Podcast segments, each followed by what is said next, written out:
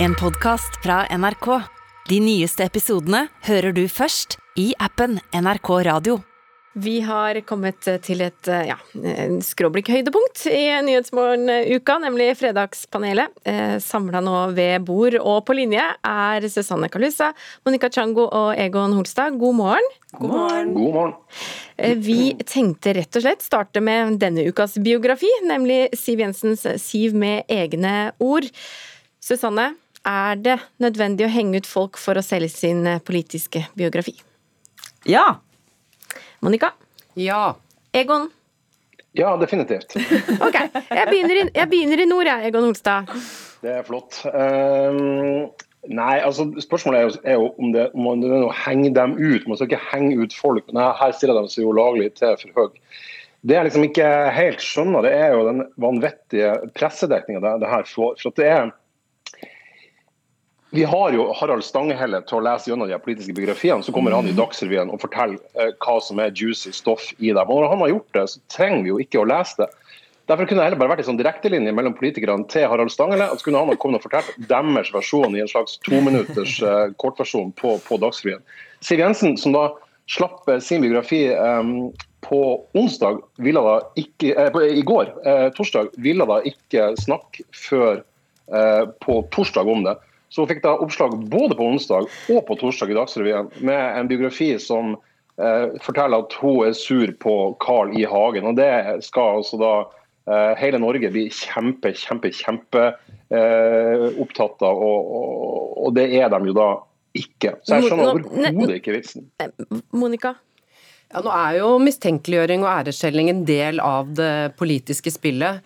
Eh, og eh, jeg tenker at eh, politikeres liv kanskje ikke er så vanvittig eh, spennende, og da tenker jeg at en del av eh, jobben når man skriver en biografi, det er å eh, henge ut eh, andre.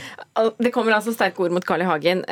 Han har gjort comeback på, på Stortinget. Eh, Hva tenker du, Susanne Kalusa? Ødelegger hun litt for eget parti? Eh, Nei, Det tror jeg Siv faktisk har vært litt bevisst på å ikke gjøre. Så en av de tingene som er blitt påpekt, er jo at eh, hun er ganske eh, mild i omtalen av Sylvi Listhaug, eh, nåværende partileder. sånn at hvis hun hadde ønsket å ødelegge, så kunne hun nok eh, snakket mye mer rett fra levra derfra. Men det er jo noe menneskeliggjørende da, eh, med at de som har makt over oss, viser at de også har sine problemer og sine antipatier. Og disse bøkene er jo ofte liksom mildt selvforherligende, så hvis de også skal forherlige alle andre, så blir det jo veldig tannløs lesning. Så jeg er jo ikke for uttenning, henging, men, men jeg tenker jo det er viktig at de er ærlige. Samfunnet vårt er ikke kjempe, altså Det er ikke kommet av seg selv, det er jo kjempet fram av noen, og med kamp kommer uenighet. Så de beste biografiene er de som viser hvordan systemet fungerer. Eh, og de dårligste er de som bare er sånn du er dust, og du er dust, og hun er dust. Men, men, men det, det, her er, det her er jo allikevel en sånn her eh, Det her er jo folk som har vært i, i, i pressen og i offentligheten i mange mange år. eh, og er vant til å få motstand i debatter, er vant til å få motstand av, av journalister. Og de her Bøkene her er jo sånne her selvrettferdige oppgulp der de slipper å få noen form for motstand. Så det er jo, Men det er veldig sånn- det er veldig, det er veldig verdiløst da, for, for, for personer som meg. Som jeg, jeg, skjønner, jeg skjønner faen ikke poenget. Men vi må, altså Siv Jensen avviser at kritikken mot Carl I. Hagen går utover Fremskrittspartiet, og sier at hun ikke kunne ha venta med boka. Hør her. Men, ja, men da, da skulle jeg da fortsette inn i det 26. året, 27. året, 28. året av livet mitt da, og fortsette å ta de type hensyn og aldri få gitt ut boken. Nå har jeg gitt den ut, nå har jeg fortalt min historie, men den er min. Det er min historie. Og det er sikkert noen som vil si at nei, det var ikke sånn. Eh, Eller jeg har opplevd det på en annen måte. Og det er helt greit. Dette er sånn som jeg har opplevd det. Dette er mine følelser. Dette er mine opplevelser. Monica? Den politikeren som snakker her, dette er en politiker som har holdt inne, holdt inne, holdt inne, holdt inne, og nå, endelig, nu jævlar, nå er det min tur. Er det, men er det ikke veldig morsomt at du, for å si hele tida at det her er min historie, det her er min historie, mine følelser, min fortelling, og så heter boka heter vel 'Mine ord', er det ikke det det heter? Eh, og det er faktisk nøyaktig samme tittel som det er på selvbiografien til mulla Krekar. Så da er jo slag ringen på en måte slutta. da. Det er jo litt søtt, syns jeg. Da eh, avslutter vi det temaet også. Eh, Et annet tema. Kvinnelige gamere er rett og slett lei av trakasserende kommentarer. Det har vi hørt eh, her i eh, Nyhetsmorgen. Eh, Og så har de da laga eget nettverk, og det begrunnes slik. Det trenger å bli litt tryggere i form av hva skal man kalle det, mild trakassering, kanskje. Fordi det er så lett å slenge ting ut av seg på nett. Og da må jeg også påpeke at det går også mellom menn.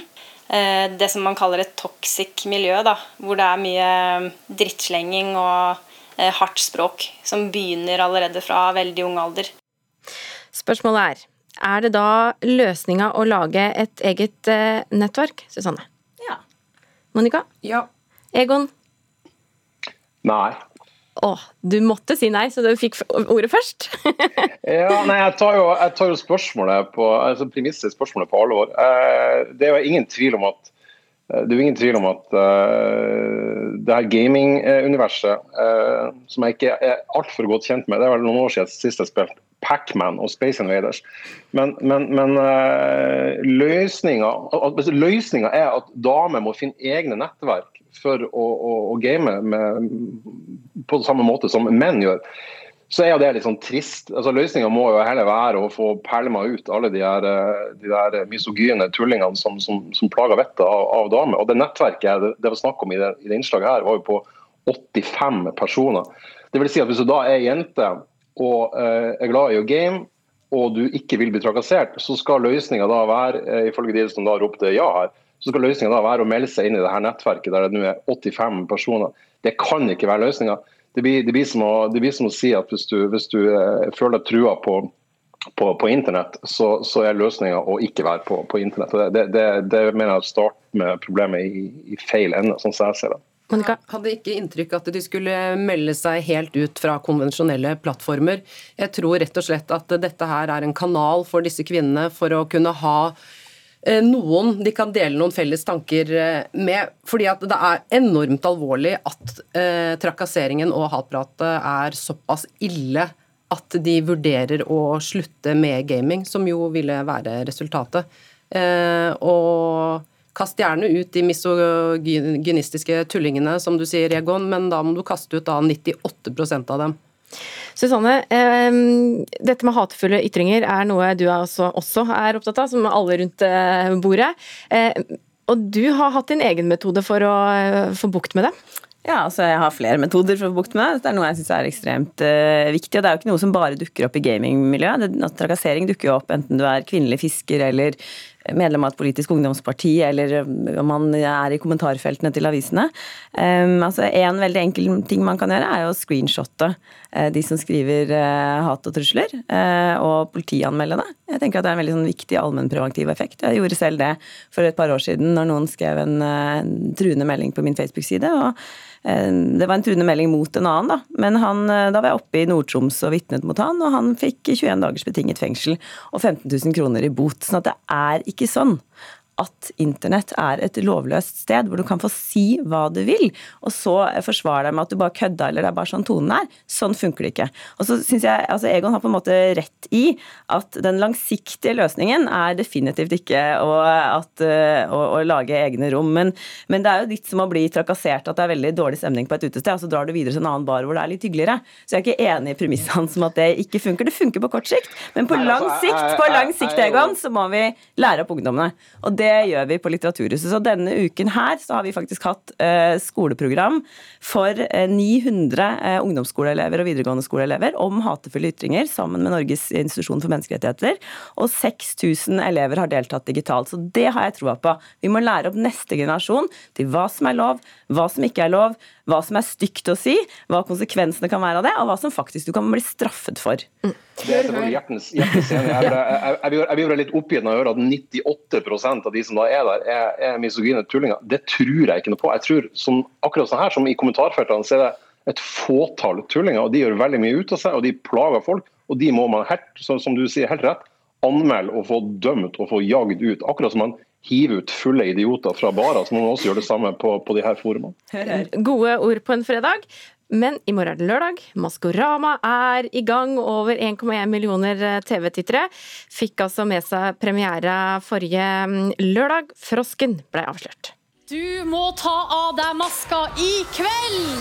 Vis oss hvem du er!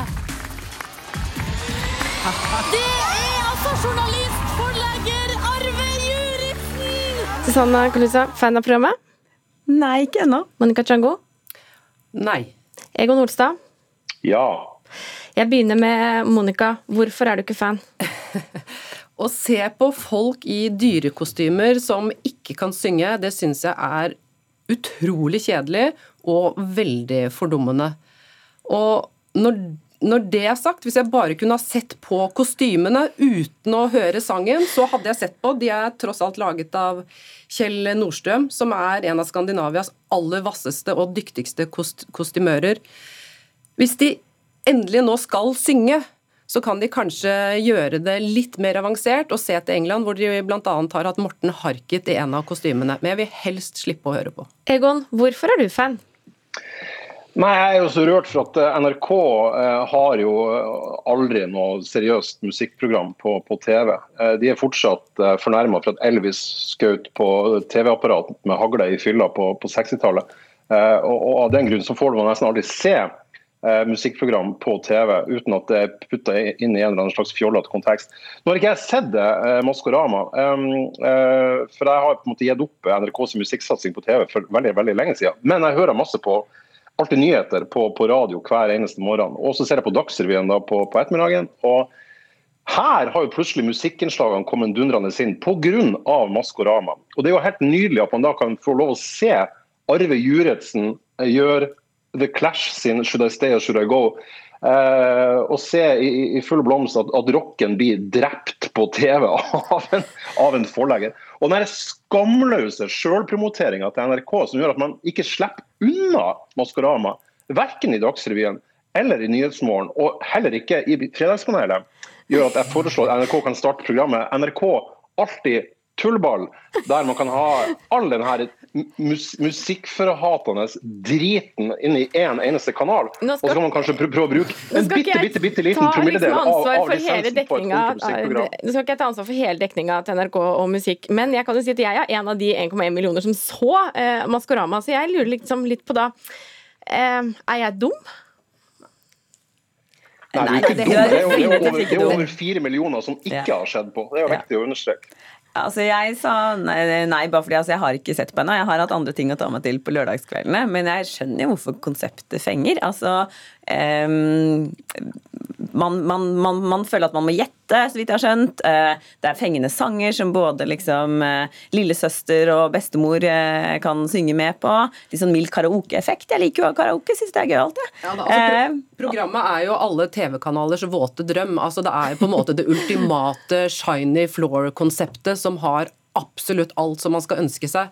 Det som bare er utfordrende for eh, oss som er over ti år, da, er at eh, de labber rundt i dyrekostymer og ikke kan synge. Vi får se om det blir bedring av sang. Streng eh, gjeng. Ja, veldig streng gjeng. Altså, ja. Men faen heller, kan ikke NRK lage et ordentlig musikkprogram? Det her pisset her, som de til og med klarer å gnu inn i Dagsrevyen flere ganger i uka. Det må faen meg være mulig å anstrenge seg bitte litt for å lage noe med litt hjerneinnhold. Oppfordringa er For å veie opp for at han, han er heldiggrisen. Ja. Ja, ikke sant? Det er det, han som er det. Ja, ja ikke sant? Det er det. Vær ja, så snill! Dette her Vær så snill! Oppfordringa er sendt eh, både oppover og bortover. Egon eh, Holstad, eh, kommentator i Tromsø. Monica Chango, skribent. Og Susanne Kolusa, daglig leder ved Litteraturhuset. Tusen takk for at dere kom. Du har hørt en podkast fra NRK. De nyeste episodene og alle radiokanalene hører du i appen NRK Radio.